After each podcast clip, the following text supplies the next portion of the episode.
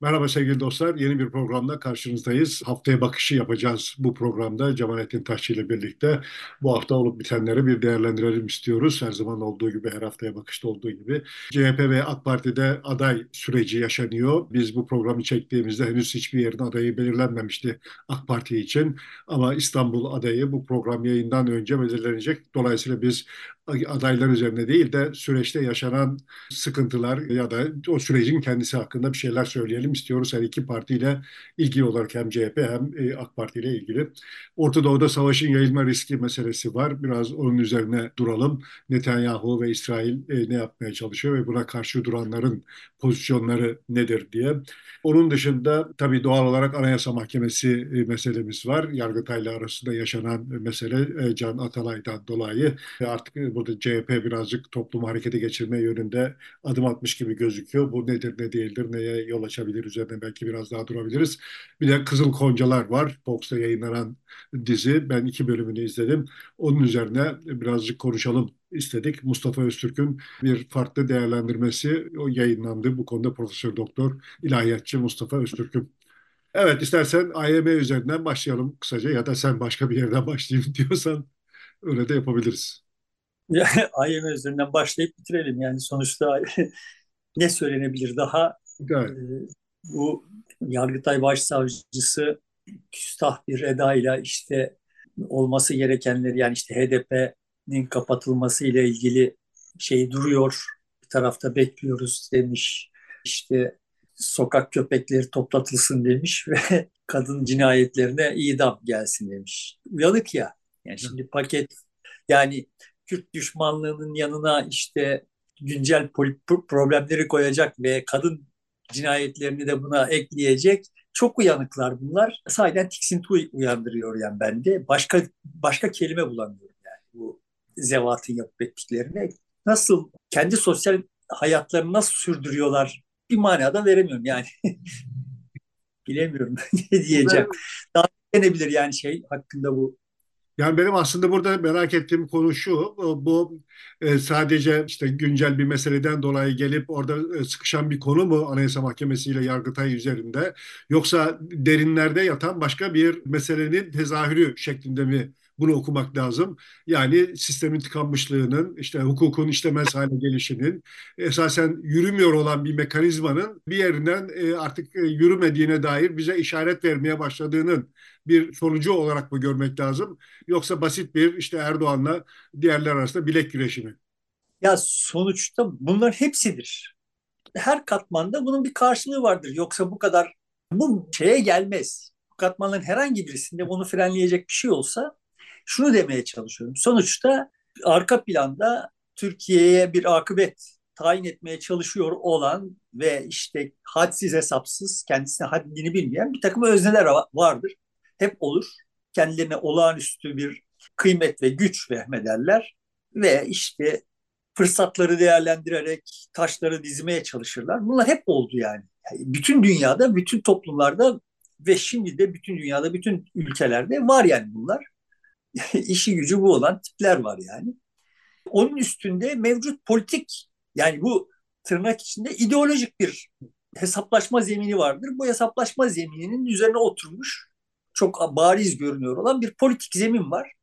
Türkiye'nin muhalefetinin çok da oyuncu olmadığı bir politik zemin var ve bu politik zemin muhalefet ağırlığını koyamıyor olduğu için çok uzunca bir süredir iktidarda olan politik aktörlerin kendi iç çelişkileri üzerinden yürüyor. Yani Türkiye'de tırnak içinde işte milliyetçi muhafazakar bir ittifak var deniyor. E tamam bu terimleri kabul edelim. Bu milliyetçi muhafazakar iktidar karşı tarafta çok nasıl diyeyim aktif ve oyun kurucu bir alternatif olmadığı için kendi iç çelişkileri büyüyor. Normal olarak olay hep öyle olmaz mı? Yani karşıda bir düşman görürsek, ortak düşman görürsek kendi aramızdaki aile içindeki farklılıkları görmezden gelir, ortaklıkları büyütürüz. Ama eğer karşıda bir düşman yoksa birbirimize döneriz.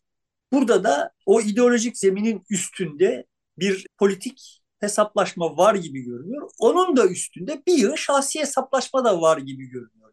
Ve bütün bunlar Can Atalay davasında üst üste aynı yerden kesildiği için de iş buralara kadar gidebiliyor. Bende kalan şey bu yani bunların herhangi birisini diğerlerinin önüne geçirmek falan çok da şart değil. Hayat böyle bir şey yani. Hayat çok katmanlı bir şey. Hepimiz çok katmanlıyız. Burada da tablo böyle görünüyor. Ama hani hakkında bunun ne konuşulabilir? Bu Türkiye hakkında ne söylüyor? Yani Türkiye hakkında artık elimizde bir devlet olmadığını ve en önemlisi de belki bir kural olmadığını. Yani bir mahkemenin verdiği kararla hapse girebiliyorsunuz ama bir başka mahkemenin verdiği kararla hapisten çıkamıyorsunuz. Yani ikisi de mahkeme ama biri uygulanıyor, biri uygulanmıyor gibi bir durumla karşı karşıyayız. Demek ki hukuk bazı durumlarda uygulanıyor, bazı durumlarda uygulanmıyor.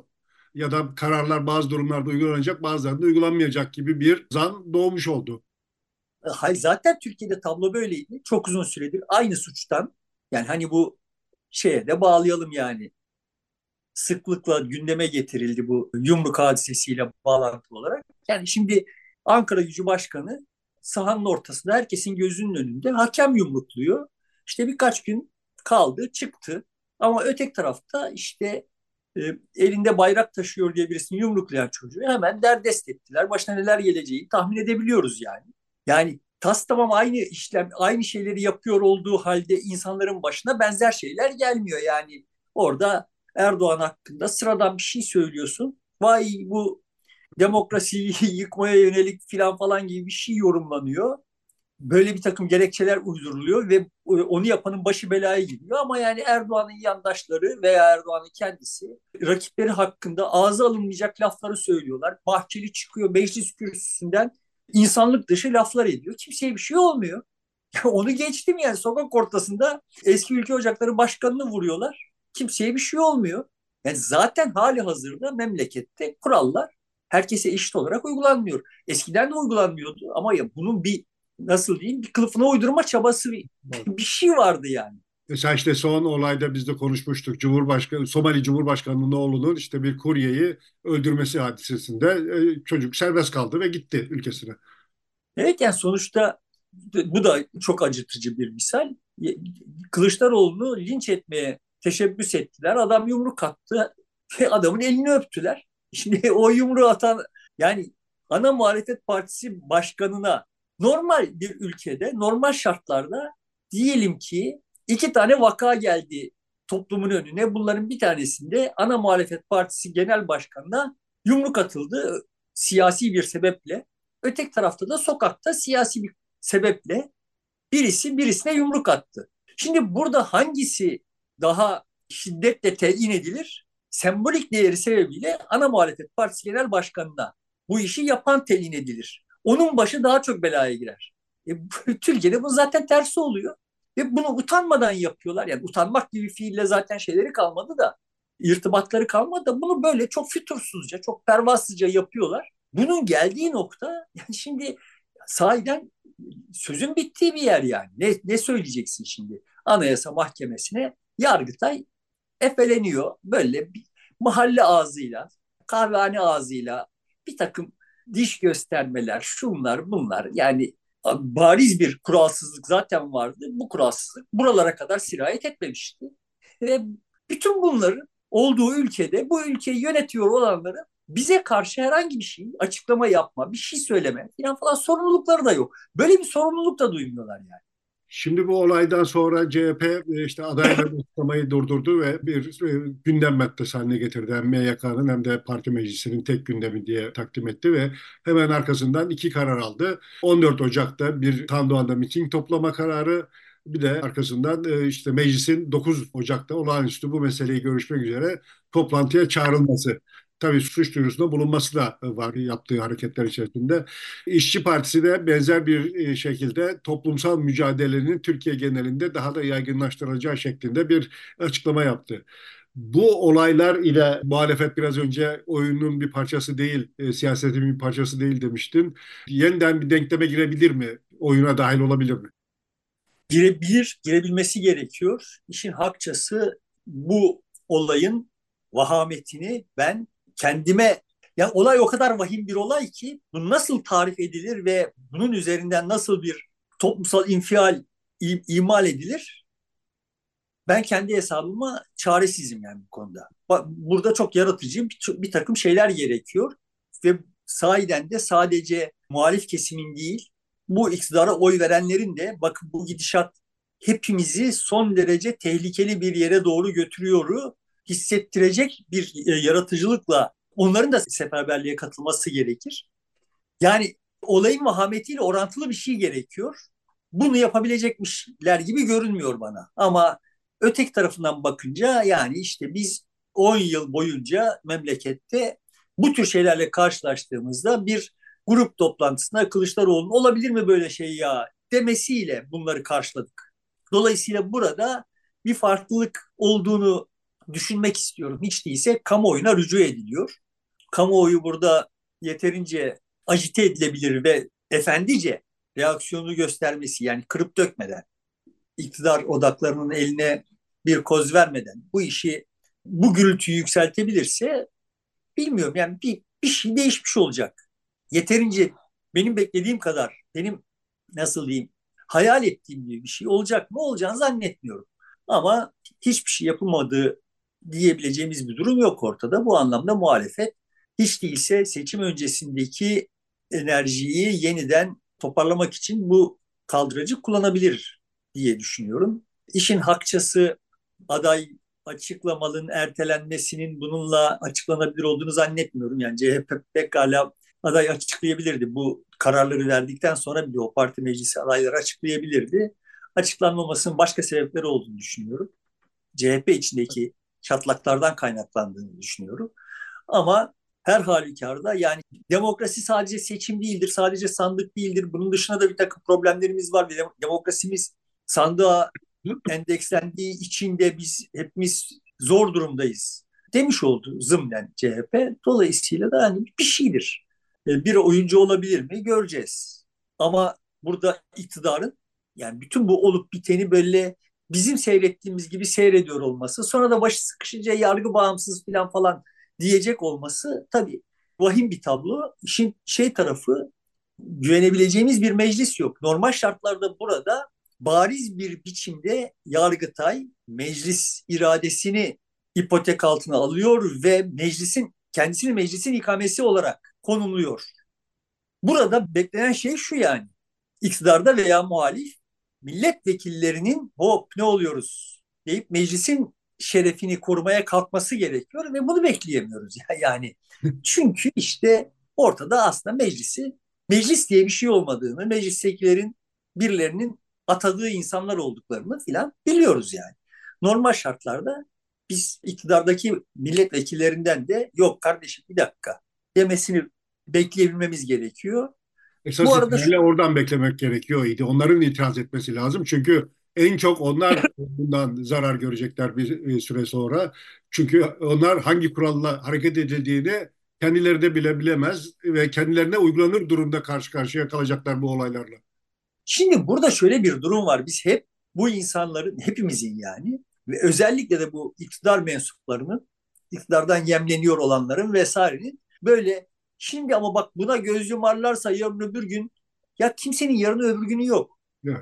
Evet. Yani bu insanların hiçbirisinin yarın öbür günü yok yani. Bunların hepsi bugünün hesabını yapıyorlar. Yani normal şartlarda bakacak olursan o Yargıtay mensuplarının tamamını eğer yarın öbür gün düşünüyor olsalar yürütmeleri gerekir. Bu anayasa suçu yani yapılan iş. Yarın öbür gün sahiden de başlarının belaya girecek olduğunu biliyor da olabilirler. Ama kimsenin öyle yarın için bugünü feda etmek gibi bir derdi yok. Bugünü yaşayalım, bugünü kurtaralım.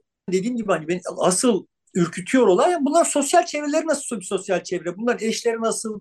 insanlar, çocukları nasıl insanlar? Ya bir dakika ya ne oluyoruz bak sonra insan içine çıkamayacağız falan falan demiyorlar mı bunlara hiç? Ya ben, ben böyle şeyler yapmaya kalksam kızım beni babalıktan reddeder ya. Bilmiyorum ya nasıl oluyor da oluyor bunlar. Sosyal çevreleri nasıl sahiden bilmiyorum. Böyle bir sosyal ilişkiler ağı var mı bunların? Ama yani yaptıkları iş neresinden tutsan elinde kalacak kadar absürt şeyler. Burada tabii işte bir devlet kalmadı elimizde.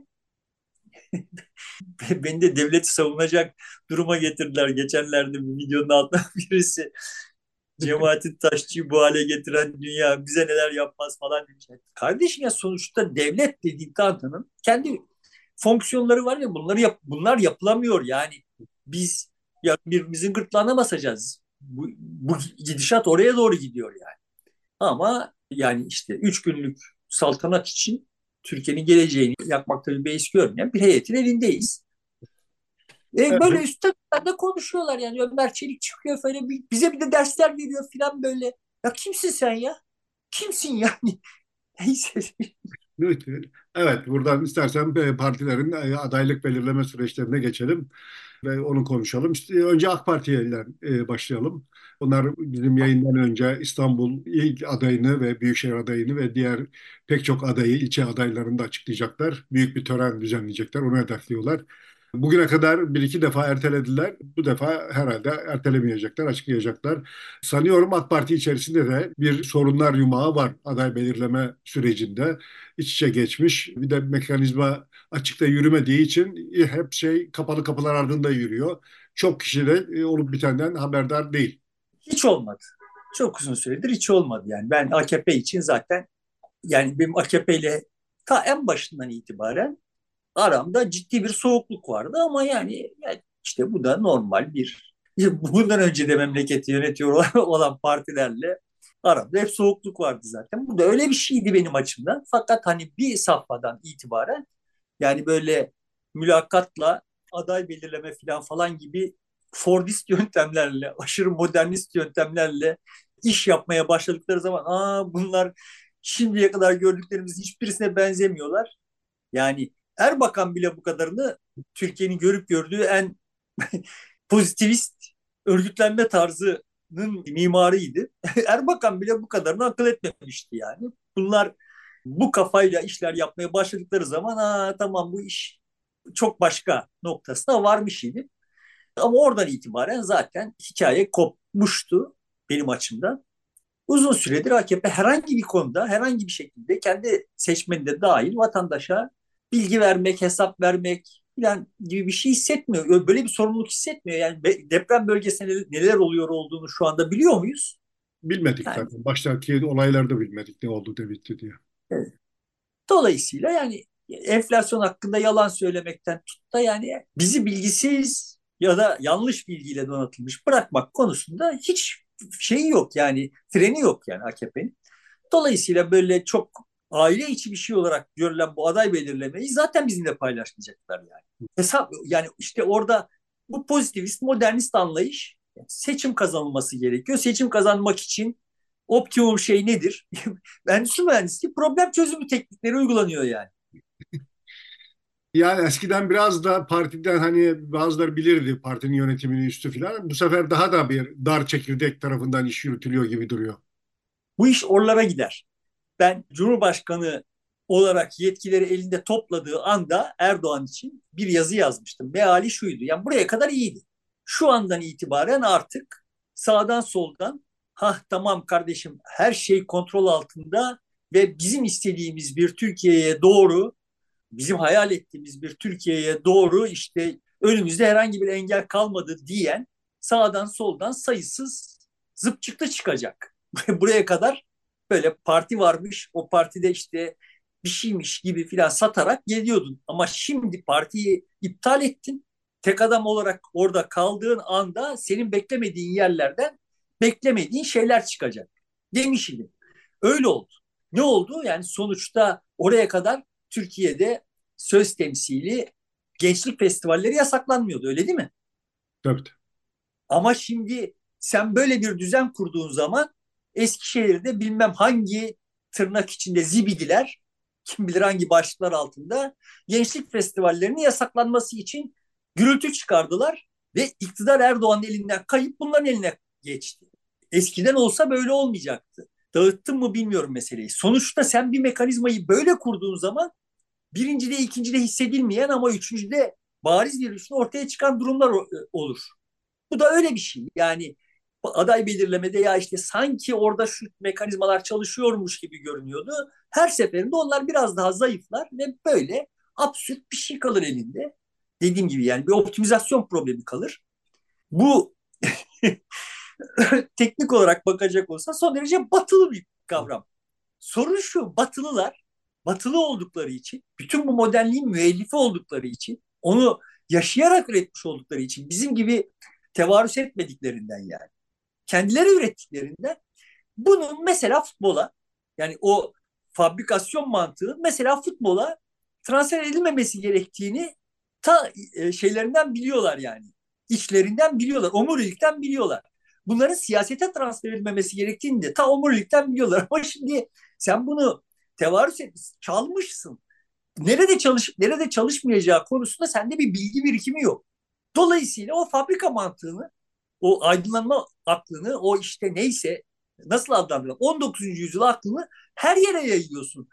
KPSS icat ediyorsun mesela. Şimdi bunun gibi böyle işte aday belirlemeyi de böyle yaparak aslında siyaseti ortadan kaldırıp her şeyi bir optimizasyon problemi haline getiriyorsun.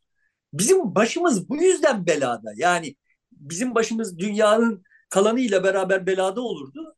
Ekstra belada çünkü hani geçen programda tartıştığımız tartıştığımız ama tartışamıyor olduğumuzu anladığım mevzular bunlar. Böyle hani orada sen Muzaffer Batı'nın mutabakatlarını Türkiye'ye transfer ettiğin zaman sadece aa ben bu mutabakatı sevmedim diyenler yaralanmıyor ki. Hepimiz yaralanıyoruz. Şimdi burada bir tuhaflık görmemeye başladık, görmedik biz. Yani sonuçta Türkiye'de siyasetin tedavülden kaldırılmasında Türkiye'nin tırnak içinde sekülerleri filan falan denen kesimlerde bir tuhaflık görmedi ki. Hepimiz yaralandık yani. Böyle şimdi ama onların bize şu yaptıklarını görmez, görmezden geliyor olabilir miyim? Ben bütün bu olup bitenler yüzünden gece yattığım zaman dişlerimi kırıyorum. Sinirden elimden bir şey gelmiyor diye. Bütün bunları meşru, mazur görüyor da değil. Ama tablo şu yani bak neden bu halde olduğumuzu anlamamız gerekiyor. Bundan ne yapılması gerektiği benim benim ahkam kestiğim bir şey değil. Buradan geri dönelim, sıfırdan başlayalım falan diyebilecek bir durumum yok. Tarihin andu tuşu yoktur. Yani gidip de 1923'e yeniden bir şey yapamayız. Yaşanmış olan e, yaşanmışlıkların içinden bir şey çıkartmamız gerekiyor. Bu benim haddim değil. Kimseye bir şey telkinde bulunmuyorum. Ama problemi böyle doğru tarif etmediğin zaman orada kendince işte senin yılbaşı kutlamana laf edenler, laf eden 3-5 bin kişiden yola çıkıp 25 milyon kişiyi karşına alırsın. O 25 milyon kişiyle senin içindeki 3-5 bin kişi yüzünden seni karşısına alır. Sonra da işte tablo böyle olur. Bunu anlatmaya çalışıyorum. Benim derdim bu.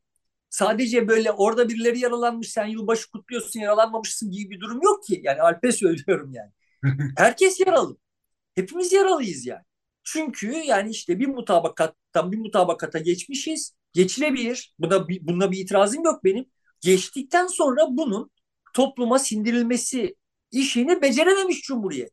Yani Cumhuriyet söz temsili bütün Kürt vatandaşlarını na Türkçe öğretebilmiş olsaydı Türkiye şimdiki durumda olmayacaktı. E öğretemedi kardeşim. Hani öğretemedi ve bu sadece Kürtlerin yaralanmasına yol açmadı ki hepimiz yaralıyız bu yüzden. Bizim başımıza gelenin kaynakları hakkında bir şeyler söylüyorum kendimce. Biz segment segmentiz bütün toplumlar gibi.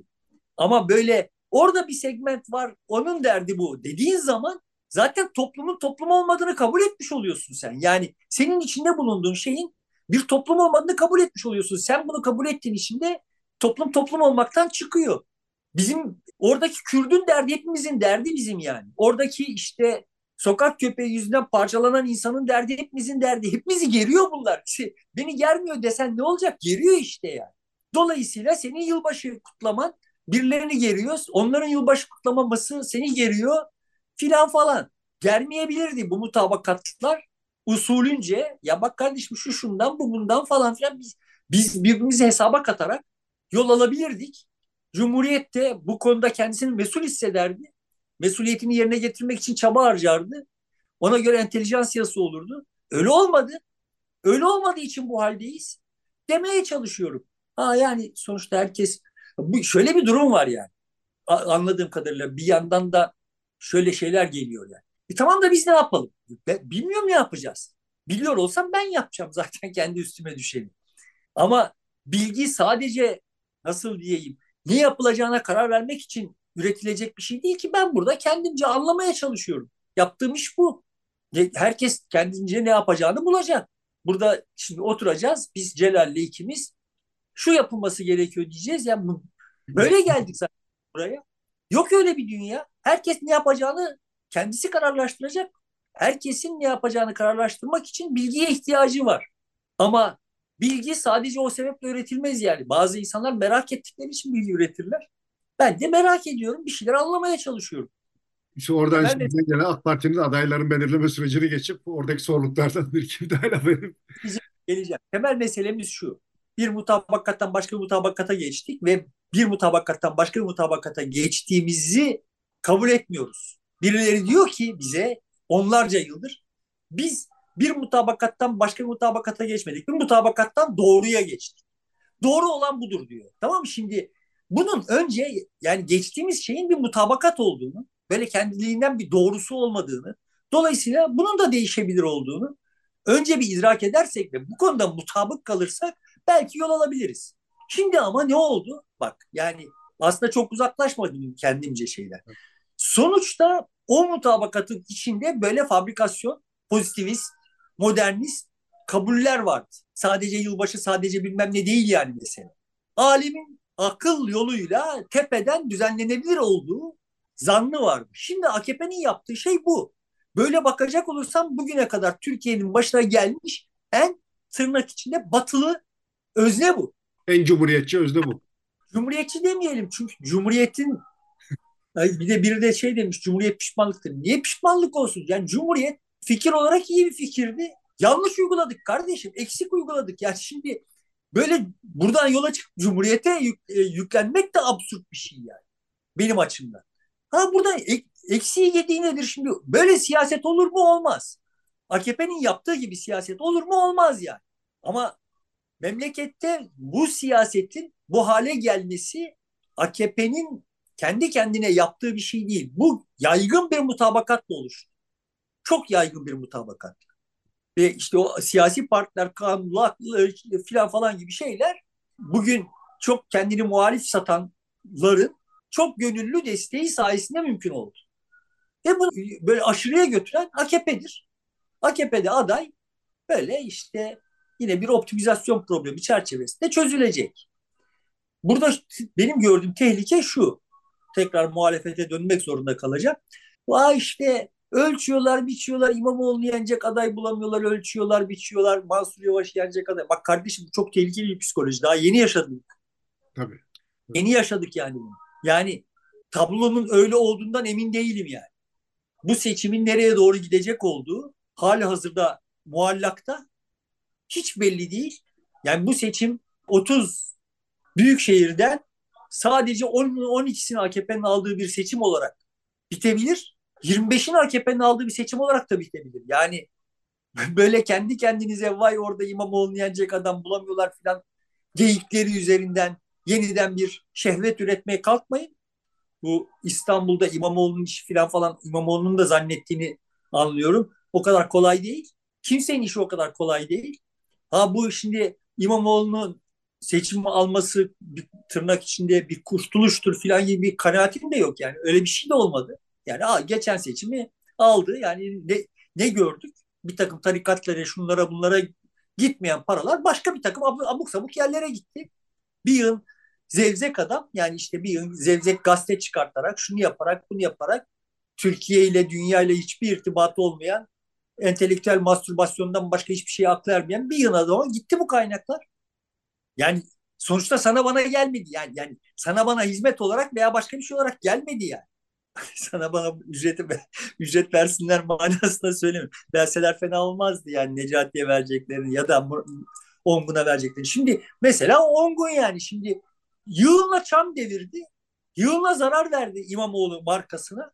Yani hala adam aynı kibirle yani biraz kenara çekiliyor sonra küt diye yeniden üstümüze boca ediliyor. İmamoğlu da bu yani.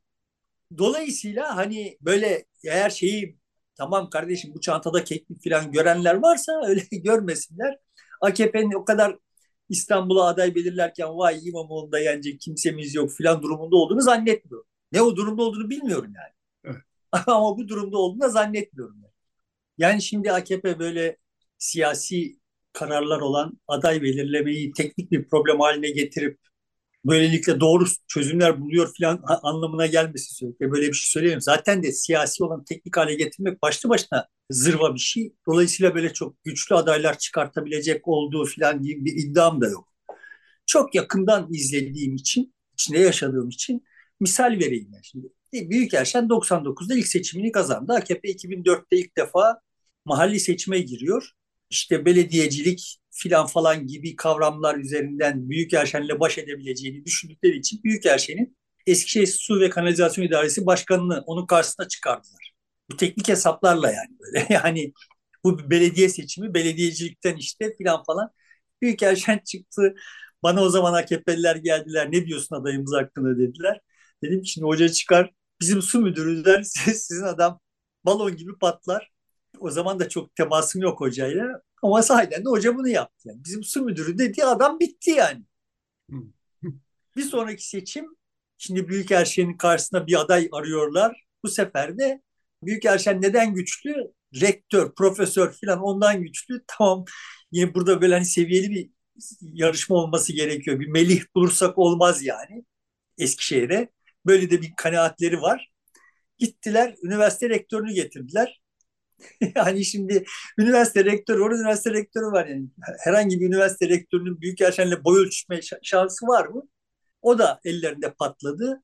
Baktılar bu iş böyle olmuyor. Büyük yaşanla böyle dişe diş mücadele edecek şirret bir şey lazım. Eski Ticaret Odası Başkanı AKP milletvekili genç, paralı, hırslı birini koydular karşısına bu sefer. Yani hep hesapları böyle yani. Burada ders aldık şimdi filan gibi. Orada o da dayak yedi. Sonra ondan sonraki seçimde işte yine böyle medeni bir rekabet sürdürecek eski Odunpazarı Belediye Başkanı'nı, AKP'li Odunpazarı Belediye Başkanı'nı, onun Odunpazarı'nda bir karşılığı var falan gibi gerekçeyle koydular Büyükelçinin karşısına. Yine yenildiler. Şimdi bu seçimde İyi Parti'den ithal birisi ittiriyor kaktırıyor. Muhtemelen o aday olacak. Büyükelçin olacak mı olmayacak mı belli değil ama yani AKP öyle çok da bu bu kafayla çok da akıllıca adaylar belirlemiyor. Yani işte geçen seçimde hatırla yani Ankara'ya Kayseri'den ithal birini getirip koydular. Yani siyaseten yapılabilecek en saçma şeylerden bir tanesi. İstanbul'a zaten her yerin adayı olan Binali Yıldırım'ı getirdiler. Yani normal şartlarda İmamoğlu'nun o performansı karşısında Binali Yıldırım'ın yerine doğru dürüst bir aday olsa İstanbul'u alırlardı yani. Binali Yıldırım çok kötü bir performans evet. gösterdi de İmamoğlu'na imkan açıldı yani. Dolayısıyla hani bu kafayla çok doğru adaylar bulacaklarını da düşünmüyorum. Ama işaret etmeye çalıştığım husus yani kafaları böyle çalışıyor yani. Meseleyi bir Şöyle bir tablo da var. Diyelim ki A'yı aday yaptılar. B, C, var orada örgütlenmiş durumda. Onun aday olması için uğraşmışlar.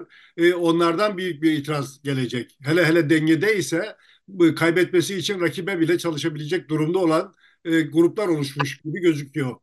Vardılar. Bu sefer daha evet işaret ettiğin gibi bu sefer daha keskinleşti. Her sefer böyle olur işte demeye çalıştığım sen sistemi böyle kurduğun zaman bu her sefer biraz daha senin aleyhine çalışır.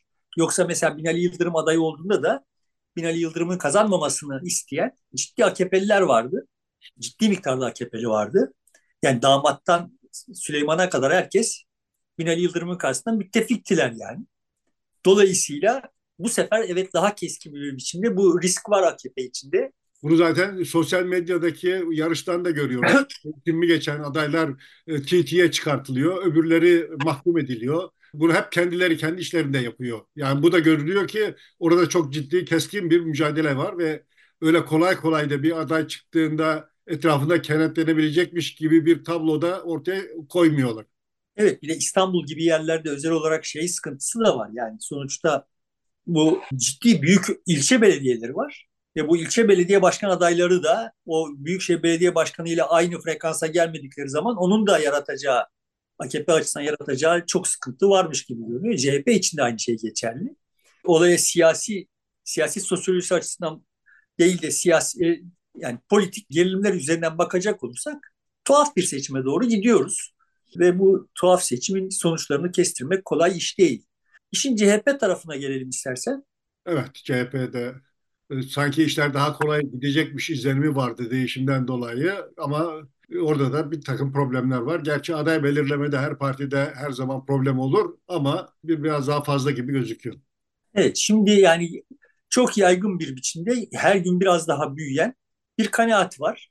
İmamoğlu sadece İstanbul'a değil her yere müdahale ediyor gibi bir kanaat var. Doğru mudur değil midir? Şimdi benim ilk bende kalan ilk kanaat şuydu. Bu abartılı bir zan.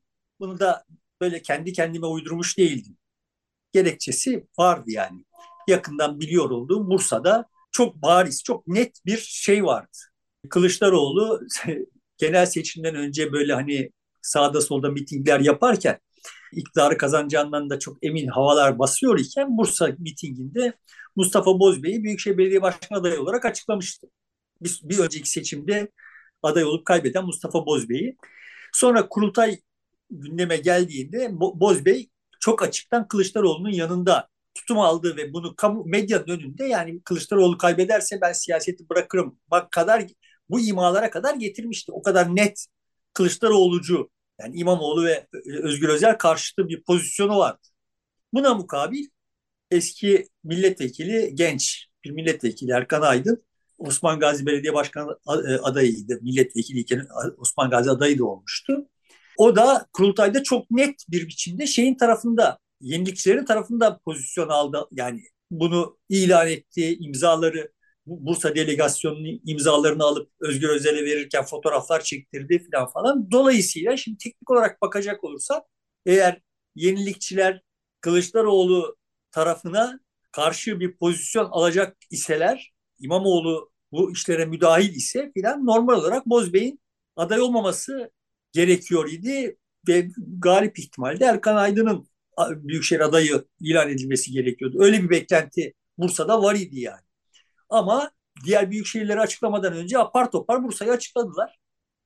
E, Bozbey'i açıkladılar. Dolayısıyla yani öyle İmamoğlu'nun çok şeyi var işin içinde. Bir de hani kurultay hesapları yüzünden Kılıçdaroğlu'nun yanındakileri de tasfiye etmeye çalışıyorlar filan gibi bir tablo olmadığı sonucuna varmıştım ben.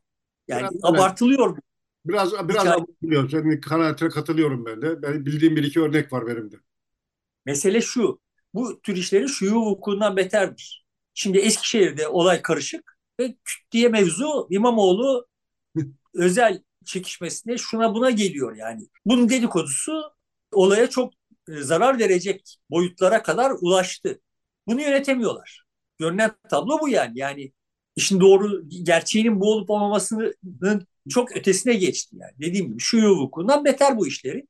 Ve CHP çok zarar veriyor olduğunu düşünüyorum. CHP buradan yani böyle Bursa'yı, Balıkesir'i, Manisa'yı almayı hayal ederken, Denizli'yi almayı hayal ederken işte Eskişehir'i, Muğla'yı, Antalya'yı falan kaybederse tuhaf bir şey olmayacak yani. Bu da mümkün tabii. Buradan istersen yakınımıza geçelim. İsrail'in Lübnan'daki müdahalesi, e, orada oraya saldırması, arkasından İran'da eski devrim ordusu komutanı Kasım Süleymani'nin alma toplantısında meydana gelen olay ve yüzden fazla kişinin ölümü savaşın birden yayılacağı gibi Batı Şeria'da e, Şeria'da bir müdahalenin giderek artmakta olduğu gibi e, izlenimler var. Savaş yayılacak endişesi var. E, nitekim İç Dışişleri Bakanımız da basın toplantısında bunu dile getirdi. Bu böyle bir risk var diye. ABD Dışişleri Bakanı da Türkiye geliyor davet üzerine e, Dışişleri Bakanımızın açıklamasından öğrendiğimiz kadarıyla. Yani benim haddimi aşarak söyleyebileceğim şey Netanyahu'nun kendi iktidarını daha doğrusu hesap verme ihtimalini bertaraf edebilmek için savaşı yaygınlaştırmaya çalışıyor olduğu yönünde ve Amerika'yı savaşa Amerika'yı ve İran'ı savaşa sokmaya çalışıyor yani.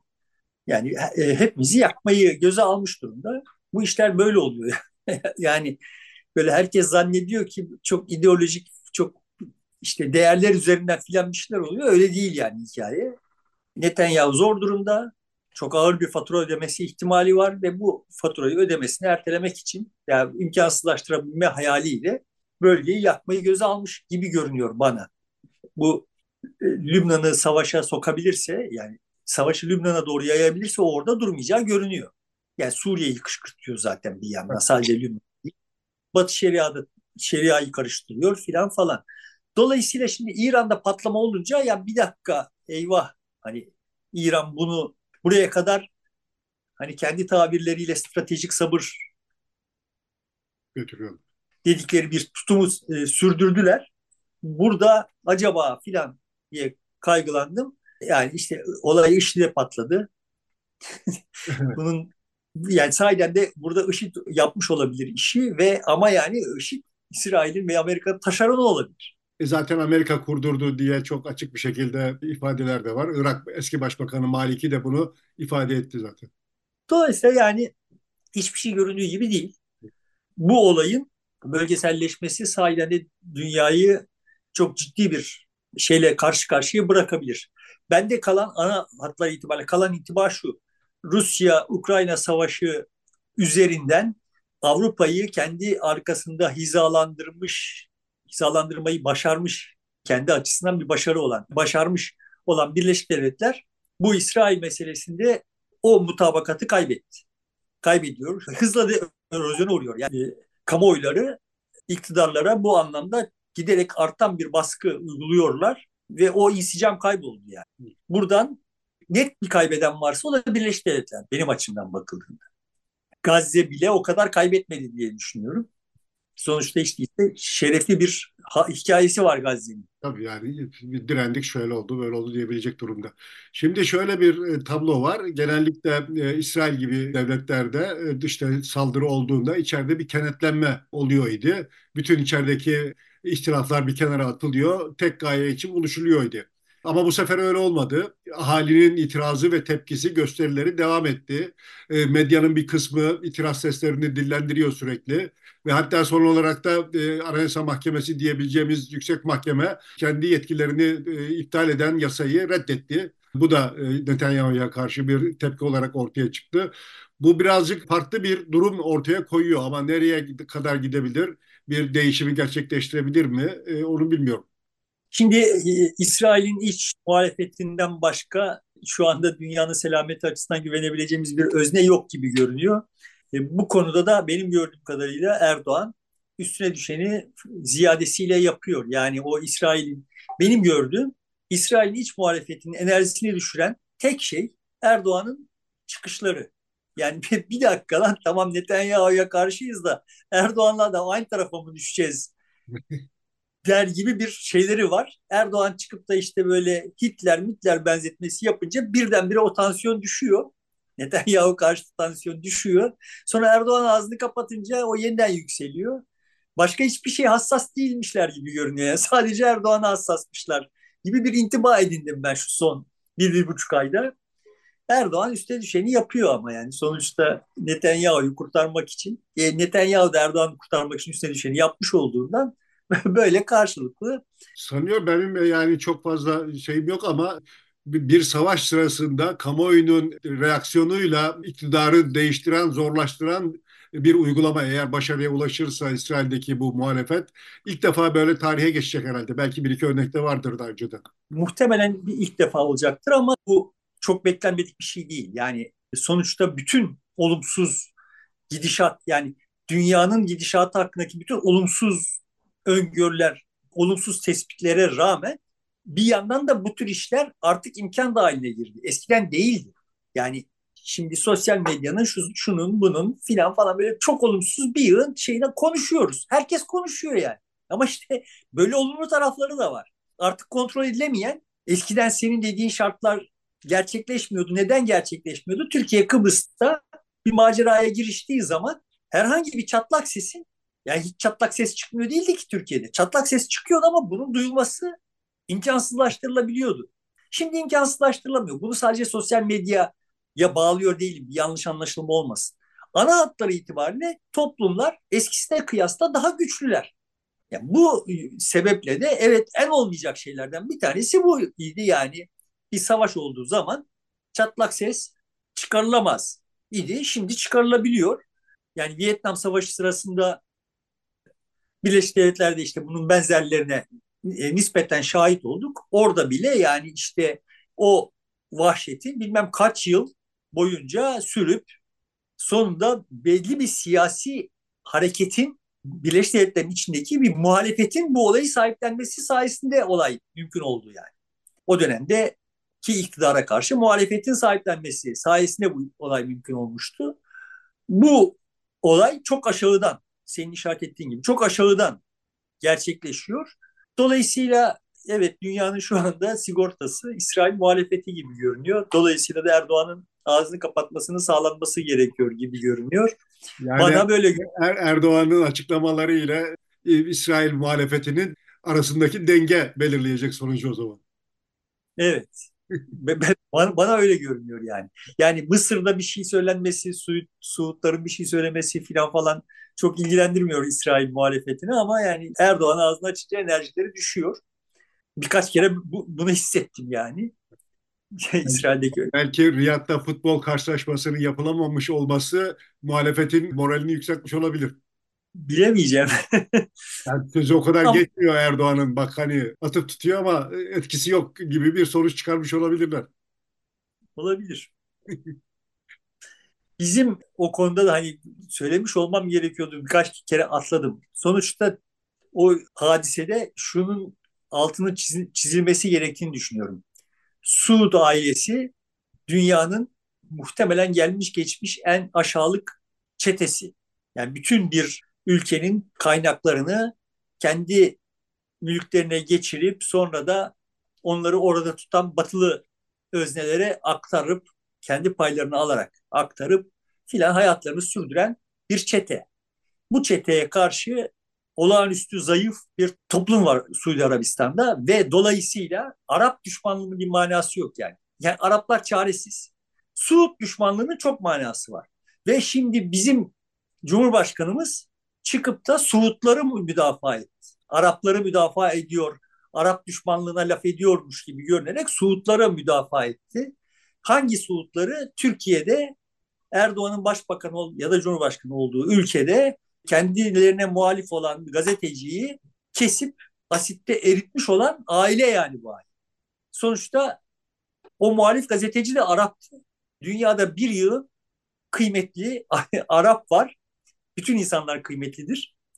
Hedefi şaşırmamak gerekiyor. Yani benim benim derdim bununla sınırlı. Hedefi şaşırmayalım yani. Suudlara karşı olacağız diye, Suud ailesine karşı olacağız diye Arapları düşmanlaştırmanın bir manası yok. Yani sonuçta İsrail iktidarının menfaati Suud ailesinin menfaatine bağlı. Netanyahu'nun menfaati Suud ailesinin menfaatine bağlı. Erdoğan'ın menfaatine bağlı. Onlar Putin'inkine bağlı. Hepsi Trump'in, Trump'ınkine bağlı filan. Böyle gidiyor yani. Sonuçta aşağıda bize benzeyen çaresiz yığınla insan var. Niye biz bu insanlarla kavga ediyoruz ben anlamıyorum yani. Yani daha doğrusu anlıyorum da işte anlamazdan geliyor. İstersen biraz da magazin gibi gözüken bir başka boyuta geçelim. Kızıl Goncalar e, diye bir dizi yayınlandı Fox'ta. Çok tartışıldı. İşte Rütük devreye girdi. İşte iki yayın yasağı getirdi. İşte bazı yerlerde, kurumlarda çekiliyordu dizi. Orada çekilmesi yasaklandı ve doğal olarak çok tartışıldı. E, bu son dönemde sekülerlerle işte örtülü insanların bir arada olduğu filmler yapılıyordu. Ya rekabet ettikleri ya birlikte bir şekilde karşılaştıkları filmler, diziler var idi. Bu alan e, ilgi çeken bir alan haline geldi son dönemde. Kızıl Goncalar bunlardan biraz daha farklı gibi gözüküyor. Biraz daha farklı ele alıyor. Sadece e, muhafazakarlarla liberalleri yan yana getiren değil ama bir cemaatin içerisindeki e, mücadeleyi de oradaki bir vicdanı da doğru tarafı da temsil eden e, başörtülü bir kadının e, mücadelesini ortaya koyuyor. E, bu çok tartışıldı. Mustafa Öztürk de bununla ilgili bir değerlendirmede bulundu. Bunun başka manalar taşıdığını da ifade ediyor. Şimdi önce şöyle söyleyeyim. Sonuçta ben Kızıl Kocaları seyretmedim. Mustafa Öztürk, Öztürk'ün programını izledim. Ufuk açıcı buldum. Herkese de izlemesini tavsiye ederim. İtiraz ettiğim çok noktaları var. İtiraz edeceğim. Ama önce şunu söyleyeyim. Ben izlemedim. Böyle hani ma- maruz kaldım ama. Ben izledim. Türk, hayır Kızıl Koncaları'ndan önce daha önce yani Kaynanalar diye bir dizi vardı Türkiye'de TRT'de. Çok popüler olmuş idi. İzlememiştim ama yani böyle maruz kaldım. Sonuçta o bugün işte muhafazakar seküler işte iktidar yanlısı muhalif filan diye kodlanıyor olan kesimlerin aslında temasının üzerinden bir mizah üreterek ama hepimizin gözüne bak Türkiye'nin böyle birbirinden farklı iki sosyolojisi varı benim bildiğim ilk dizi olarak sunan hikayeydi. Ve o dizi aslında benim maruz kaldığım kadarıyla hissettiğim bir şeyi de hissettiriyordu. Yani ana hatları itibariyle sıradan izleyiciye, TRT izleyicisine, o zaman başka bir kanal yoktu zaten galiba. Şunu tırnak içinde alttan alta empoze ediyordu. Yani bu modern, o zaman mevzu sekülerlik, muhafazakarlık değil, modernlik, gelenekselcilik idi ve bu modern kesim bereketsiz bir kesim yani. Yani bunlar böyle hani evet şık şıkıdım, evet giydiklerini yakıştırıp yediklerini işte gurme olarak tüketiyorlar filan falan ama bunlar bereketsiz. Burada, buradan bir şey çıkmıyor yani. Bir şey varsa Türkiye'ye dair ümit beslenecek. Aha o Kantar ailesinden çıkacak yani. Yani vicdan orada, humor orada, yaşama sevinci orada filan. Böyle bir şey var. Benim kendi gözlemlerim itibariyle de evet yani benim general kızı arkadaşlarım vardı. O evde her şey vardı, neşe yoktu. Yaşama sevinci yoktu. Ya işte başka arkadaşlarım vardı. O onlar daha tırnak içinde gevşek, çapaçul filan idiler ama yani işte yüzleri gülüyordu. Her şeyden bir eğlence çıkarıyorlardı. Hayata bağlılıkları had safhadaydı. Buldukları fırsatı haz duyulacak şekilde kullanmak konusunda son derece becerikliydiler filan falan. Şimdi bu işlerin orada çıkıp buraya gelmiş olmasıyla tablo çok değişmiş gibi görünüyor. Değişmedi. Asıl gerilim hala böyle iki kesim arasında. Buna modernlere, seküler dedin, e, işte oradaki gelenekçilere muhafazakar falan falan dedin diye bir şey değişmiyor. Türkiye'nin sosyolojisi bu anlamda çok değişiklik göstermedi. Türkiye'nin sosyolojisine takılan isimler, yapılan yorumlar değişiklik gösterdi yani. O zamanki isimlendirme de çok doğru değildi. Bugünkü isimlendirme de çok doğru değil. Ana hatları itibariyle biliyor olmamız gereken böyle iki tane farklı sosyoloji var ve bunların bir tanesi bereketli değil. Olması gerekirdi. Asıl ciddi kaynak oraya transfer edildi. Yani Türkiye için sahiden ümit var bir şeylerin bir şeyler çıkacaksa bunun Harbiye'den, Nişantaşı'ndan çıkması gerekiyordu. Çünkü kaynaklar oradaydı yani. Çıkmadı tek değişiklik benim açımdan Fatih'ten de çıkmayacağını gördük. Evet. Yani Ümraniye'den de çıkmayacağını gördük. Çıkmadı yani. Bu e, dönem içinde hani bereketsizlik açısından iki taraf birbirine eşitlenmiş oldu diyebiliriz sadece.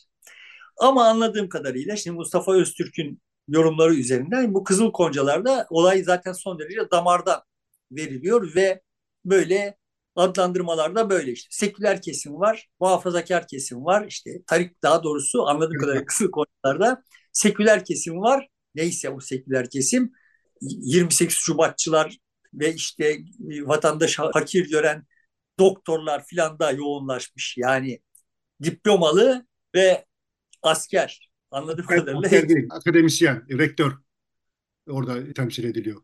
Ha bir de hani kızı 28 Şubatçı olan işte evet. 8 Şubatçı olan rektör gibi tasvir ediliyor. Fizik profesörü.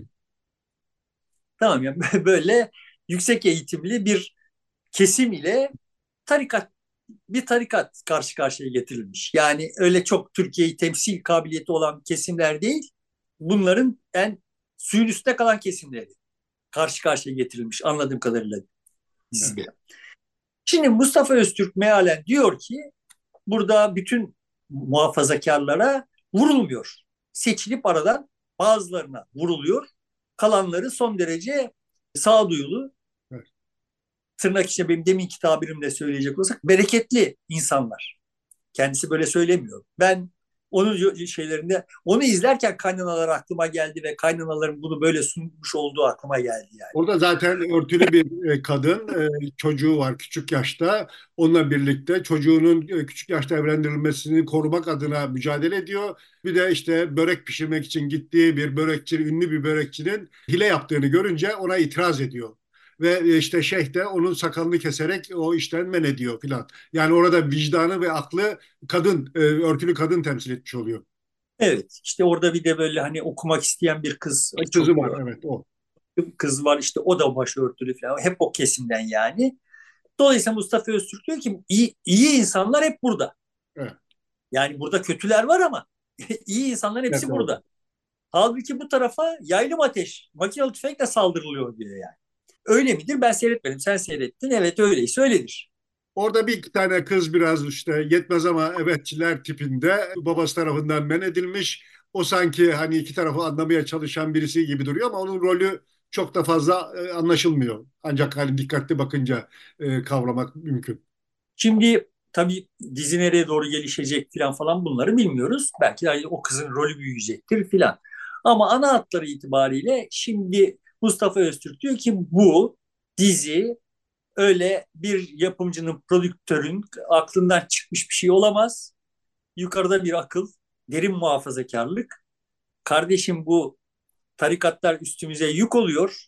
Kendimizi bunlardan uzaklaştırıp tırnak içine muhafazakarlığın ana gövdesini temize çekelim ve bu sekülerleri de şeylerle beraber, tarikatlarla beraber tarihe gömelim.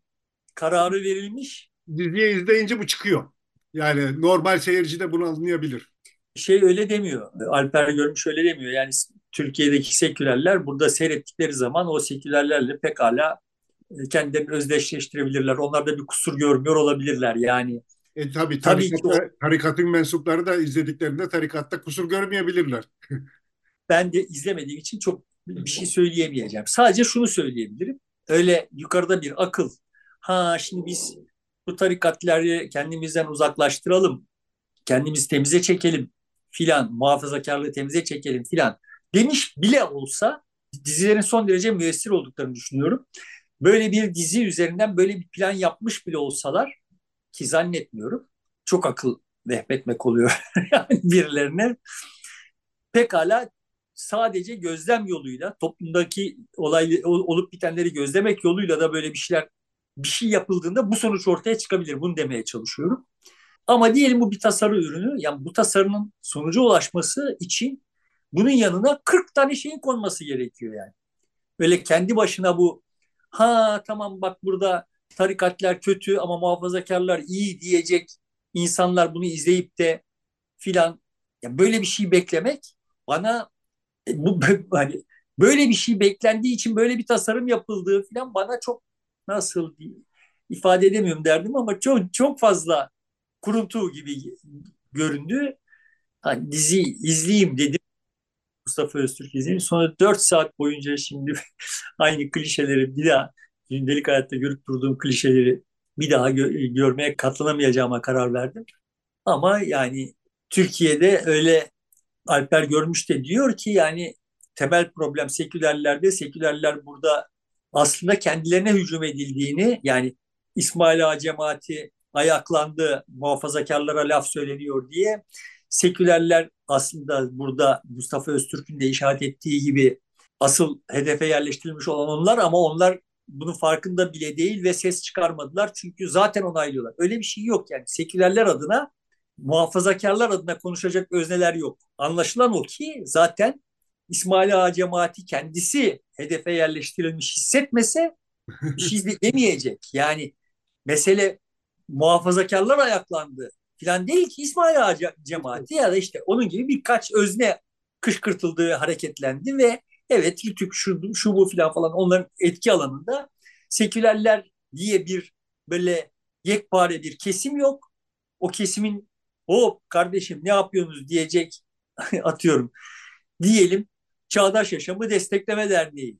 Hop siz burada sekülerlere nasıl böyle vurursunuz filan falan diyecek olsa bu kadar açıktan vurmadığı için onu anlamaları daha yani bir toplumsal reflekse dönüşmesi o konuda zor. Hayır yani diyelim ki onlar böyle bir hissiyata olsalar bile Rütük'e başvurup da böyle bir şeyi engelleme güçleri yok yani. Yok zaten, o evet. olmadığını biliyorlar. Dolayısıyla buradan yola çıkıp böyle bay sekülerler zan altında bırakılıyor oradan da yani böyle çıkarımlar bana çok e, abartılı göründü. Ayrıca da tekrar söylüyorum böyle hani sonuçta Türkiye'nin bütün tırnak içine muhalifleri, bu iktidara muhalif olanları 28 Şubat'ta da mesela böyle 28 Şubatçı falan değildi yani. Son derece dar bir kesimdiler. O dizide en şey tarafı da şu o 28 Şubatçı fizik profesörü hasta falan ama o kızı görüyor ve parlak olduğunu anlıyor. Ben bunu diyor eğitim diyor böyle kız çok bulunmaz diyor. E, bu ışıltı kısa sürede gidebilir. Sen bunu ne yap getir diyor. Ben bunu okutayım diyor. Hatta diyor sana diyor para vereyim sen de bana bak. Bununla sen bunu okut diyor. Yani öyle bir işbirliği de var orada. Yani teknik olarak Türkiye'de tırnak içinde işte bu sekülerler filan diye zan altında bırakılmaya çalışılıyor olan kesimler kötü filan gibi bir şey yok. Yani evet bir bereketsizlik var orada. Oradan bir şey çıkmadı, çıkmıyor filan falan. Ama yani kız çocukların okuması için çok ciddi çabalar harcadılar. Yani benim açımdan Çağdaş Yaşamı Destekleme Derneği veya işte bilmem ne vakfı falan filan. Bunlar nasıl diyeyim fazla steril özneler idi. Ama bu onların kötü olduğu manasında yani çok iyilik yapmaya çalıştılar. Esas mesele yani herkes iyi memlekette zaten. Herkes iyilik yapmaya çalışıyor. Yani kimisi sokak köpeklerine iyilik yapmaya çalışıyor. Kim yani biz pandemi sırasında da bunu gördük. Herkes elinden geldiğince çaresiz olanlara yardım etmeye çalıştı. Deprem sırasında da bunu gördük. Temel mesele bunlar adına söz alıyor olan işte sendikalarıymış, tarikatleriymiş, kamu kurumları yani Türkiye'de gençlerin festivallerini engellemeye kalkanlar o muhafazakarlar adına söz alanlar. Yani kendilerini o muhafazakarlar adına konuşma makamında görenler. Ve onların derdi başka yani. E, orada böyle İslami bir takım hassasiyetlerle falan yapıyor değiller yani. Bambaşka dertleri var herkesin. Daha doğrusu yani sen mekanizmayı böyle kurduğun zaman her seferinde oradaki özneleri, dertleri kitlelerin dertlerinden ayrışır. Yani oyun budur yani. Sevgili dostlar burada bitiriyoruz. Görüşmek üzere. Katkılarınız, izlenimleriniz, yorumlarınız için teşekkür ediyoruz. Hoşçakalın.